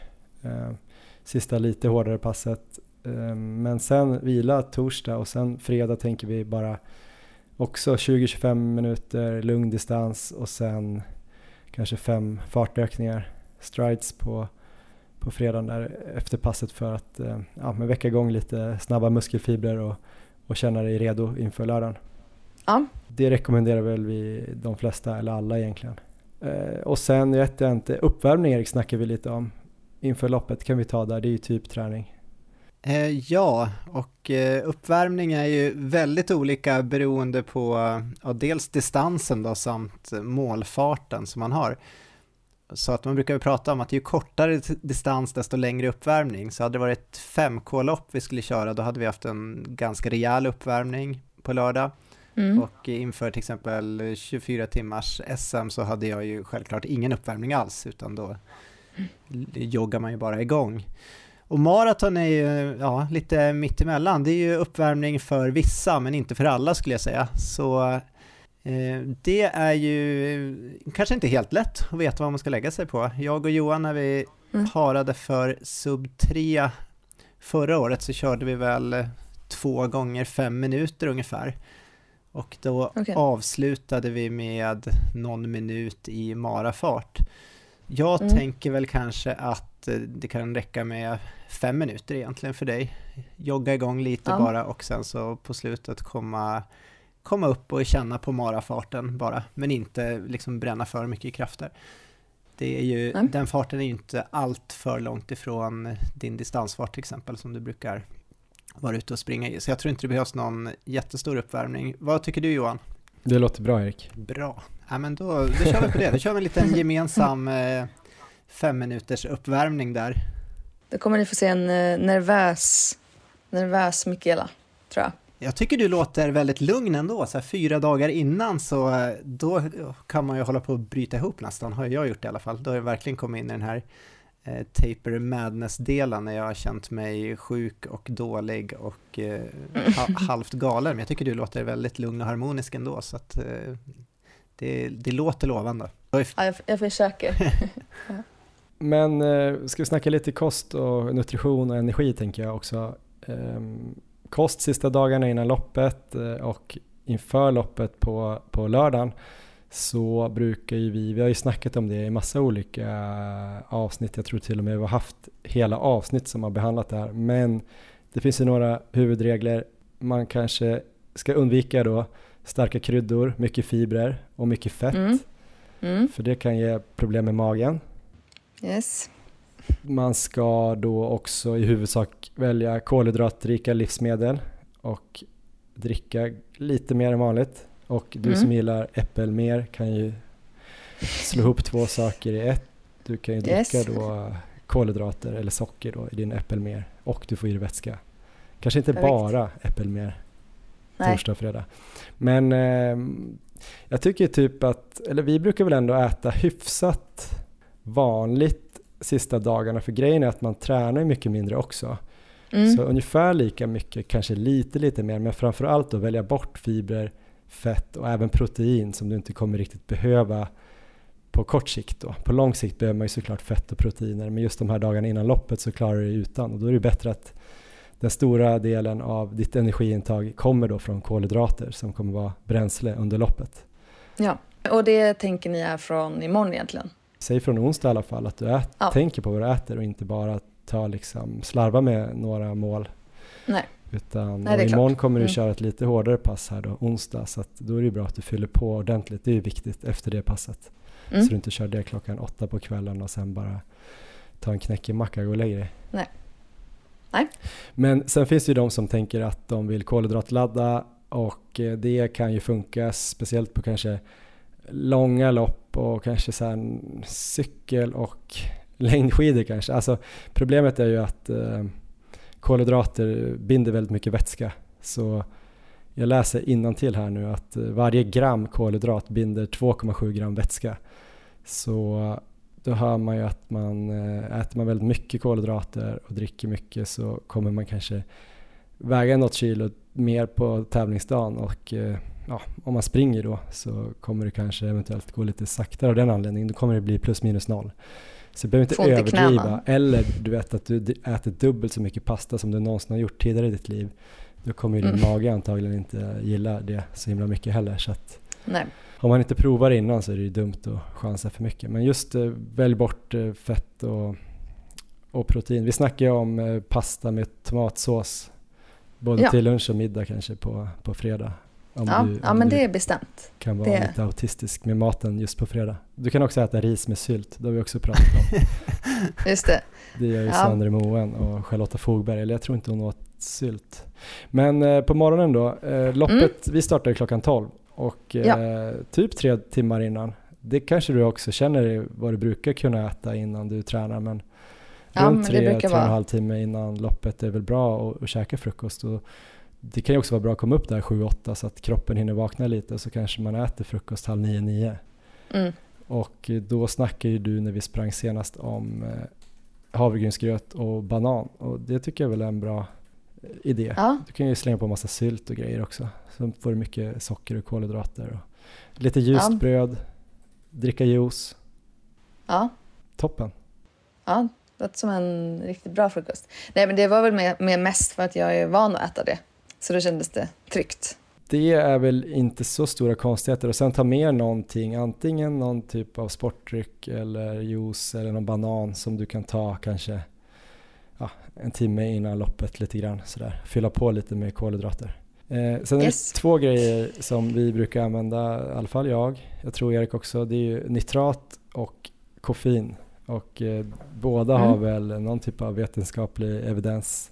Koffein har ju till och med varit eh, dopingsklassat för typ 20 år sedan. Eh, Mm. Koffein är ganska enkelt, det är ju ungefär 3-6 milligram per kilo kroppsvikt. Så jag tänker för dig kanske runt 200 milligram koffein innan loppet Mm. och det är ju ungefär 45 minuter innan loppet man ska ta det. Eh, Det är ju typ Ja. som två stora koppar kaffe Mm. Eh, Men det kanske är svårt att dricka precis innan loppet. Så två typ koffeinpiller brukar jag köra på. Eh, Ja, men det, det har jag faktiskt fixat. antagligen så tror man då att koffeinet eh, blockerar effekten av en signalsubstans som heter adenosin som förmedlar trötthet. Så man Mm. blir helt enkelt, eh, man ökar va- vakenheten och eh, upplevelsen av ansträngning och, och, smärta och utmattning minskar. Så det är ju bra. Att man känner sig bra. piggare helt enkelt. Ja. Och eh, det har ju en halveringseffekt, en halveringstid på 3-5 timmar kaffe mm. eller mm. koffein. Så det kan ju vara bra att ha någon koffeingel någonstans i mitten av loppet, i alla fall en. Eh, så fylla på lite för att annars kommer du ju bara hälften av effekten när du är på väg in mot mål där. Så att eh, typ någon koffeingel. Hur många gels tänker ni att jag borde få i mig? Vi kommer till det alldeles strax. Jag tänkte bara att vi ska snacka snabbt om nitrat också.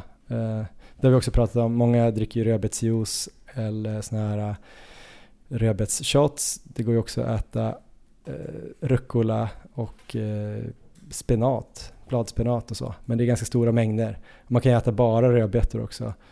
Också rätt mycket man ska äta. Jag har ju börjat käka sådana här nitratpiller. Och du frågade mig hur det funkade och jag svamlade lite på den här löprundan. Men det som händer är ju att nitratet omvandlas till nitrit när det kommer i kontakt med bakterier i munnen. Och sen så i då musklerna så omvandlas nitrit till kväveoxid och kväveoxid i sin tur, det här är den värsta sån här kedjeeffekten, kväveoxiden påverkar blodkärlens elasticitet så att syretillförseln mm. till musklerna förbättras. Och då har man ju märkt att syrekostnaden för samma ansträngning eller samma intensitet, eh, den eh, minskar. Så man kan antagligen då springa lite snabbare eller längre på samma fart, vilket är ju bra. Eh, det verkar vara så att man påverkas mer av det här om man inte är då superbra, jättehögt VO2 max. Men eh, ja, vi har ju sett att Eliud Kipchoge kör nitrat så att eh, det verkar ju funka. Och då lär det ju funka väldigt, väldigt bra på mig då. Ja, och jag ser väl inga minus med nitrat, Erik, om det inte är så att man kanske dricker sådana här shots eller äter jättemycket rucola eller rödbetor och får dålig mage. Nej, precis. Eh, jag har ju aldrig tagit de här tabletterna, men jag tror väl inte det ska göra, ge några problem med magen. De här koncentrerade shotsen är bra, de brukar jag köra på. Men man kanske inte ska köra det om man aldrig någonsin har testat att man då kör det på kvällen innan och morgonen då. Det tror jag kan vara en liten risk, så det kanske kan vara bra att ha testat det innan nu. Det kan ju vara något att ta med sig för alla som springer på lördag. Sen så har vi ju hört eh, historier om eh, vissa som har eh, missat det här med att dricka rödbetsjuicen koncentrerad och istället bälja i sig stora mängder vanlig rödbetsjuice. Och det rekommenderar vi inte, för det har ju gått fel tidigare. Och eh, uppladdningen då, man börjar ju redan 3-7 dagar står det här i min, i, i min bok. Jag tror att de har fått effekt både på 7 dagars laddning och 3 dagars laddning och när du går och köper det här är det 4 dagar kvar räknar vi ut så att eh, det får väl bli en bra kompromiss. Ja. Det verkar som att vissa har sett akut effekt bara ta det innan loppet också. Men eh, det vågar jag inte lova och sista dosen ska ju vara två till tre timmar innan loppet. För det tar lite tid innan det verkar och det måste ju vara kontakt med bakterier i munnen för att omvandlas till nitrit och sådär. Så du ska komma mm. ihåg att, jag vet inte, vissa rekommenderar att man inte ska hålla på och spotta hela tiden också. Eh, så det kan du kanske tänka på. Det kan också vara ofräscht om du bara går runt och spottar. ja. Ja. ja. Energi under loppet frågar de. Har du någon själv någon plan? hur gjorde du när du sprang eh, Paris maraton? Ja, men då hade jag fyra gels, fick jag i mig. Eh, och sen så serverades det ju banan och kakor längs vägen. Så det fick jag i mig rätt mycket också. Eh, eller rätt mycket, men jag tror att på tre ställen så tog jag banan. Eh, och sen även någon energidryck och vatten. Så att eh, jag upplevde det som att jag ändå fick i mig väldigt mycket under vägen och jag fick ju aldrig någon energidipp eh, faktiskt, utan jag började rätt tidigt med det. Det låter Men bra. jag, ja, jag har ju förstått att jag kanske ska försöka få i mig ännu mer. För ni, ni nämnde att jag kanske ska få i mig sex stycken. Ja, vi har ju kanske inte riktigt varit så bra på att tvinga dig att träna med gels och så här. Det är ju en bra grej att göra på långpassen att testa ut sitt, eh, sitt energiintag redan där och då ska man väl kanske till och med försöka om man är riktigt seriös med det, typ eh, försöka testa den övre gränsen så att säga. Hur mycket kan ah, man okay. ta utan att eh, mm. man, man mår dåligt eller får problem. Det sägs ju, eller man kan ju ta in 30-90 gram kolhydrater per timme, 90 gram per timme om man då har både glukos och fruktos. Det här blir lite kanske överkurs. Och sen kanske det beror lite på hur mycket då, hur nära sitt VO2 max man springer eller hur hårt man springer för då förbränner, förbränner man ju mer kolhydrater än om man springer lugnare. Kanske också beror lite på hur stor man är. Men eh, när vi snackar om sex gels så är ju ändå sex gels inte så jättemycket egentligen. Det är ju 120 till 150 gram kolhydrater eh, beroende på kanske vilken typ av eh, eller vilket märke av gels man kör. Jag tror du hade några Umara, jag tror det är 20 gram per mm. gel. Mm. Eh, och Mårten tror jag är 25 gram per, på de här vanligaste gel, gelsen. Så jag mm. menar om du kör eh, 6 Umara så är det ändå bara inom citationstecken 120 gram och det blir ju då, vad blir det, knappt, eh, det blir inte ens 40 gram i timmen. Nej. Så samtidigt så har du inte provat att trycka så himla mycket kolhydrater så att det kanske också är dumt att börja chansa på loppet på lördag. Eller vad säger du Erik? Ja, precis. Jag har ju som mest fått i mig sex gels på ett maraton. Oftast har det landat kanske på fyra eller fem. Eh, men senast jag sprang maraton förra året så fick jag ändå i mig sex. Så det, är, det känns ju ändå ganska mycket. Jag tycker ändå det var bra att du testade med banan där också på slutet i Paris. Det kan ju vara en grej om du känner ett starkt illamående till exempel på slutet och eh, att du verkligen känner att eh, jag får inte i mig någon fler gel så kan ju det vara eh, någonting att eh, bryta av med där. Men det är ju viktigt ändå att eh, försöka så att man får, för man kommer inte vara sugen på slutet.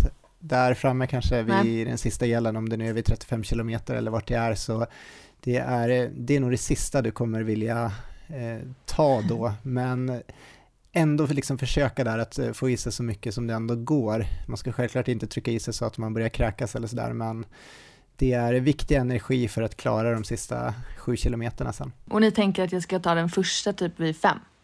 Ja. Så att jag tar en var, var femte kilometer? Ja, men un ungefär. Men om vi säger att du ska få i dig sex så kommer du få sluta vid 30. Det kanske är lite tidigt, men, men säg att du ungefär får i dig på första halvan i alla fall eller fram till 20 och sen tre till då fram till 35. Då tror jag ändå att eh, du ändå klarat någon typ av minimigräns. Och sen tänker jag i alla fall att eh, du ska kolla upp vilken sportdryck de serverar. Mm. Och se om du tycker den är god. För då kan du väl dricka, du måste ju få i dig någon typ av vätska under det här loppet. Speciellt om det blir då 16-17 grader och sol. Um, ja. Då kan du lika gärna dricka sportdryck tänker jag istället för Just vatten. Det. Vi kan räkna lite på det så det inte blir allt för mycket men jag menar om du dricker några deciliter per femma någon, någon kopp per femma och så kör du mm. i sportdryck så kommer du ändå komma upp i, i lite mer kolhydrater där och så kan man väl eh, bryta av med någon banan som Erik sa. Det blir väl bra. Kanske inte kakor mm. och bullar och sånt. Nej men jag tror inte, jag kollade, de serverar inget sånt ändå. Nej. Så att, tyvärr. Men, eh, ja, men då, så då ska jag koncentrera mig på att ta gelsen och sen i värsta fall ta någon banan om jag känner att jag är helt slut. Grymt. Eh, vi bör nog börja runda av. Eh, har du några frågor här inför lördag, Mikaela Bergman? Eller allt glasklart? Um, ja, men jag tycker att jag ändå har fått en väldigt ordentlig genomgång här. uh, och jag ska kolla upp när jag ska ta alla de här gelsen. Uh, och nej, jag, jag, har nog ingen, uh, ingen fråga. Det känns, det känns peppigt och jag börjar verkligen bli nervös. Men det känns kul att springa ihop. Ja men det ska bli skitkul. Är det någonting av allt vi har sagt som känns så här, de verkar sjuka i huvudet, det här kan jag inte göra? Jag tror inte det. Nej, det känns bra. Ja. Ja, vad bra, för då, du får ju inte vara rädd att säga till då. Eh, vi får väl se, vi hade tänkt att snacka lite mentala knep, men jag tänker egentligen bara, det är bara borra in i våra ryggar och sen försöka se glad ut när det är jobbigt. När det är jobbigt. Och så tänker du typ att eh, nu har jag tränat för det här jättelänge, nu ska jag såklart klara det. Och så tänker du på alla bra grejer, som, alltså ställen det känns bra på inte fokusera på vart det känns dåligt. Har du något sista Erik, du som är Nordens bästa 24 timmars ja men till att börja med Mikaela så kan du lyssna på när det här avsnittet släpps så har vi en eh, liten intervju där, eller en liten hälsning från Helena Bjälkemo. Så lyssna på den där. Right. Den är Ja. väldigt peppig och eh, det tycker jag alla kan göra en gång till. Sen så, sen så tycker jag att du ska försöka sova så bra du kan nu under veckan här. Sista natten, jag själv brukar sova väldigt dåligt innan lopp. Det brukar inte göra så mycket om man har sovit bra tidigare under veckan. Och eh, så försök Nej. bunkra upp lite sömn eller i alla fall försök eh, sova, sova så mycket det går. Sen eh, ett tips till egentligen alla. När man kommer in där på Stockholms stadion med 200 meter kvar så spurta det ni har och avsluta starkt men eh, jubla över mållinjen när man liksom kommer över där.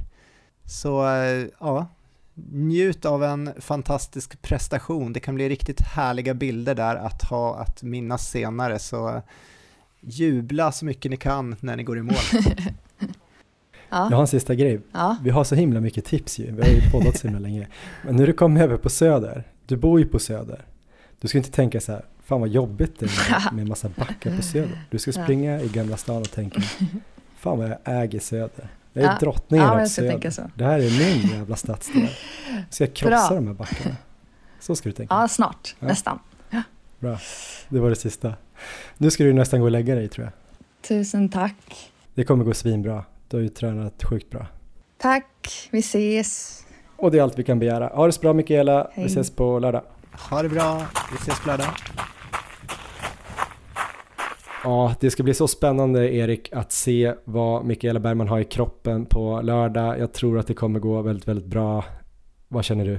Ja, men jag tror det kommer gå väldigt bra. Hon har gjort ett otroligt jobb här hela året sedan vi startade igång det här projektet. Så att eh, det ser väldigt lovande ut. Allt kan ju hända i maraton, så att eh, det går ju liksom inte att ta någonting för givet. Men hon kommer ju ändå kunna ställa sig där på startlinjen och verkligen känna att hon har gjort allt som hon kan för att vara så förberedd som möjligt. Och det är ju, den känslan är ju faktiskt underbar att, eh, att känna. Så eh, ja, det ska bli spännande. Ja men precis, vi ska inte sätta någon hård press på henne. Det är ändå hennes första Stockholm Marathon. Under 3.30 skulle vara superbra såklart i debuten i Stockholm. Eh, så att hon har ju egentligen allt att vinna. Eh, och som du säger, hon har ju vetskapen att hon har tränat väldigt bra. Ehm, en som vi kanske kommer att se längs banan, Erik, det är eh, min kompis eh, Turbo-Kalle. Kalle Lundin som ju är en väldigt duktig löpare, speciellt på lite kortare distanser. Jag skulle säga att han är lite så här fast twitch-löpare, lite mer explosiv, kanske inte den högsta träningsvolymen. Men i fjol gjorde han en 15 någonting på den här träningshalvmaran i Slavsta på vintern där och sen tror jag han var i sub 34 form men det blev ju supervarmt där i Anderstorp på sommaren eh, så att han fixade inte riktigt det. Eh, han sprang med oss i klungan i fjol, i alla fall i 27 kilometer och sa att han var hur lätt som helst. Sen försvann han. Han skulle göra sub 3 då med oss. Jag tror att han hade stuckit ifrån oss, men jag kollade ju listan sen och då hade han sprungit in på 3.37 och det här är inte meningen att hänga ut eh, Turbo-Kalle. Men där kan man ju se då kanske, om man inte då har gjort alla långpassen så kanske det kan eh, sluta så som för Kalle och som det brukar göra för mig också. Så vi kanske ser Kalle under, eh, under det här loppet, inte i början tror jag, men kanske där på Västerbron. Vi får väl se. Kalle har i alla fall slängt in en sen anmälan i år, har fortfarande inte sprungit de här långpassen, men har en ny approach, han ska bara njuta av loppet. Här har ni Kalle Lundin. Tjena Johan, tjena Erik. Kalle Lundin här. På lördag springer jag mitt fjärde Stockholm Marathon. Ehm, det ska bli roligt. Och eh, mitt starkaste minne från tidigare år är nog mitt första maraton. Som jag sprang för eh, faktiskt över tio år sedan. Ehm, när jag inte alls var tränad för det. Men jag tog mig runt på precis under fyra timmar. Eh, Och eh, på sista biten på väg upp på Nybro, eh, vad blir det, Sturegatan mot stadion så kom jag ihåg att eh, en finne sprang förbi mig och hejade på och det gav mig extra styrka att ta mig hela vägen till eh, mål. I år har jag en helt annan målsättning än fyra timmar. I år handlar det bara om att ta sig runt bara njuta, se mycket människor, se sina vänner, sin familj som tittar på, tittar på längs vägen. Eh, jag har försökt springa under tre timmar ett par gånger förut. Det har inte funkat för jag är en sån där som inte gillar långpassen. Eh, så att eh, jag ska försöka hålla i mig och inte gå för tre timmar i år och istället bara njuta och så får det ta den tid det tar. I vår har jag tränat ganska bra men inte så mycket löpning. Det har varit mycket cykelpendling för mig till jobbet. Det har varit mycket rodmaskin i garaget. Eh, en del löpning självklart också. Men mer för, eh, för fart än för distans. Eh, så jag får ta segheten jag har sedan gammalt och omvandla till målgång på lördag. Jag tänker lägga upp loppet precis som jag lite har pratat om. Gå ut lugnt och bara köra på känsla. Eh, låta förhoppningsvis andra halvan gå snabbare. Men eh, inte för att jag är bra utan mer för att jag har tagit så pass lugnt i början så att jag kommer ha energi kvar till andra delen av loppet som är ju betydligt tuffare. Svårt för mig att säga en del av banan som jag tycker är bättre eller sämre. Det är liksom en skräckblandad förtjusning man kommer till Södermalm. Jag är uppvuxen på Södermalm och det är alltid härligt att komma dit. Men eh, just på Stockholm Marathon så är det lite dubbla känslor. Mycket uppför och nerför, det sliter på benen. Mitt största tips till alla som ska springa på lördag är bara att eh, gå ut och njuta och ha roligt. Det är en upplevelse att springa maraton, särskilt om man gör sitt första. Men kanske även sitt fjärde. Eh, bara se till att all den träning man har i bagaget töms ut på lördag, på tävlingsdagen. Och om man tar det lugnt och inte hetsar upp sig så, så har man ju stora möjligheter att eh, nå sina mål. Så till alla som ska springa på lördag, stort lycka till och eh, vi ses där ute. Ja, Erik, det där lät som en eh, härlig approach. Ja, men det tycker jag. Just att det kanske inte alltid behöver vara så eh, målinriktat med så här specifika tidsmål eller placeringsmål, utan just att springa och njuta av bara stämningen och känslan. Så eh, väldigt bra inställning. Sen så tycker jag, jag, blir lite orolig här när jag hör att Eh, någon med smeknamnet Turbokalle ska springa på känsla så här första halvan. Det känns ju upplagt för att eh, det ska kunna bli katastrof. Um, så att jag, jag är väl lite orolig här, utan att känna Kalle så känns det som att den här första halvan kan nog gå ganska snabbt och ja, vi får väl se där om vi kommer se honom längs vägen. Jag hoppas inte det, jag hoppas att han kommer hålla hela vägen. Han skrev faktiskt ett meddelande till mig. Jag vet inte om han hade gjort en inspelning först och sen skickade han en ny där han var lite mer eh, med den här approachen. För han sa först att han hade tänkt att säga någonting om att hans taktik skulle också kunna vara att han skulle satsa på 2.40 så att han inte skulle hinna få kramp. Det låter ju lite som något som jag skulle kunna tänka. Han kanske får kramp efter två timmar och 45 minuter. Så bara han gör loppet upp på 2.40 så kommer han klara sig. Så det kan också bli hans taktik. Vi får se. det vore ännu roligare taktik på ett sätt.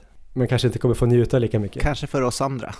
Nej, det kommer bli en fantastiskt härlig dag på lördag. Jag ser mycket fram emot den. Eh, ni får väl kolla också då kanske på vår Instagram här under veckan. Vi kommer ju höra då Big Mike Bergman och det är startgrupp D som gäller. D som är David för henne vi kommer väl skriva något inlägg där vi eh, kanske berättar var vi kommer ses för uppvärmning om man vill vara med på den med oss. Och sen om man vill springa då i en eh, sub 330 klunga som kanske startar första halvan lite snabbare än eh, 4.58 fart eller vad det är man ska hålla på hela loppet. Kanske någonstans 4.55 fart. Vi skriver mer om det på Instagram där vi heter Maratonlabbet. Man kan också kolla på Strava där man kan kolla Mikaela Bergman hur hon har tränat i veckan. Man kan gå in och skriva en massa härliga lyckönskningar till henne där också. Och tacka henne för att hon har velat vara med på den här grejen hela, hela våren i Maratonlabbet. Man kan kolla på dig Erik Olofsson, hur du tränar jämfört med Sorokin. Precis. Vi ska ju mötas snart och så kan jag väl kolla om jag ja, fortsätter ha några fall framåt här och se om jag eh, gör några kvalitetspass som visar att jag kanske kommer springa ett millopp här framöver. Eh, Det var väl det. Vill du säga några avslutande ord inför lördag Erik? Ja men det vill jag. Lycka till alla som springer på lördag. Det, det kommer bli en fantastisk dag. Så eh, kör hårt. Vi ses på plats. Och det ska bli kul att träffa alla, så kom bara fram och snacka lite så blir vi jätteglada. Absolut.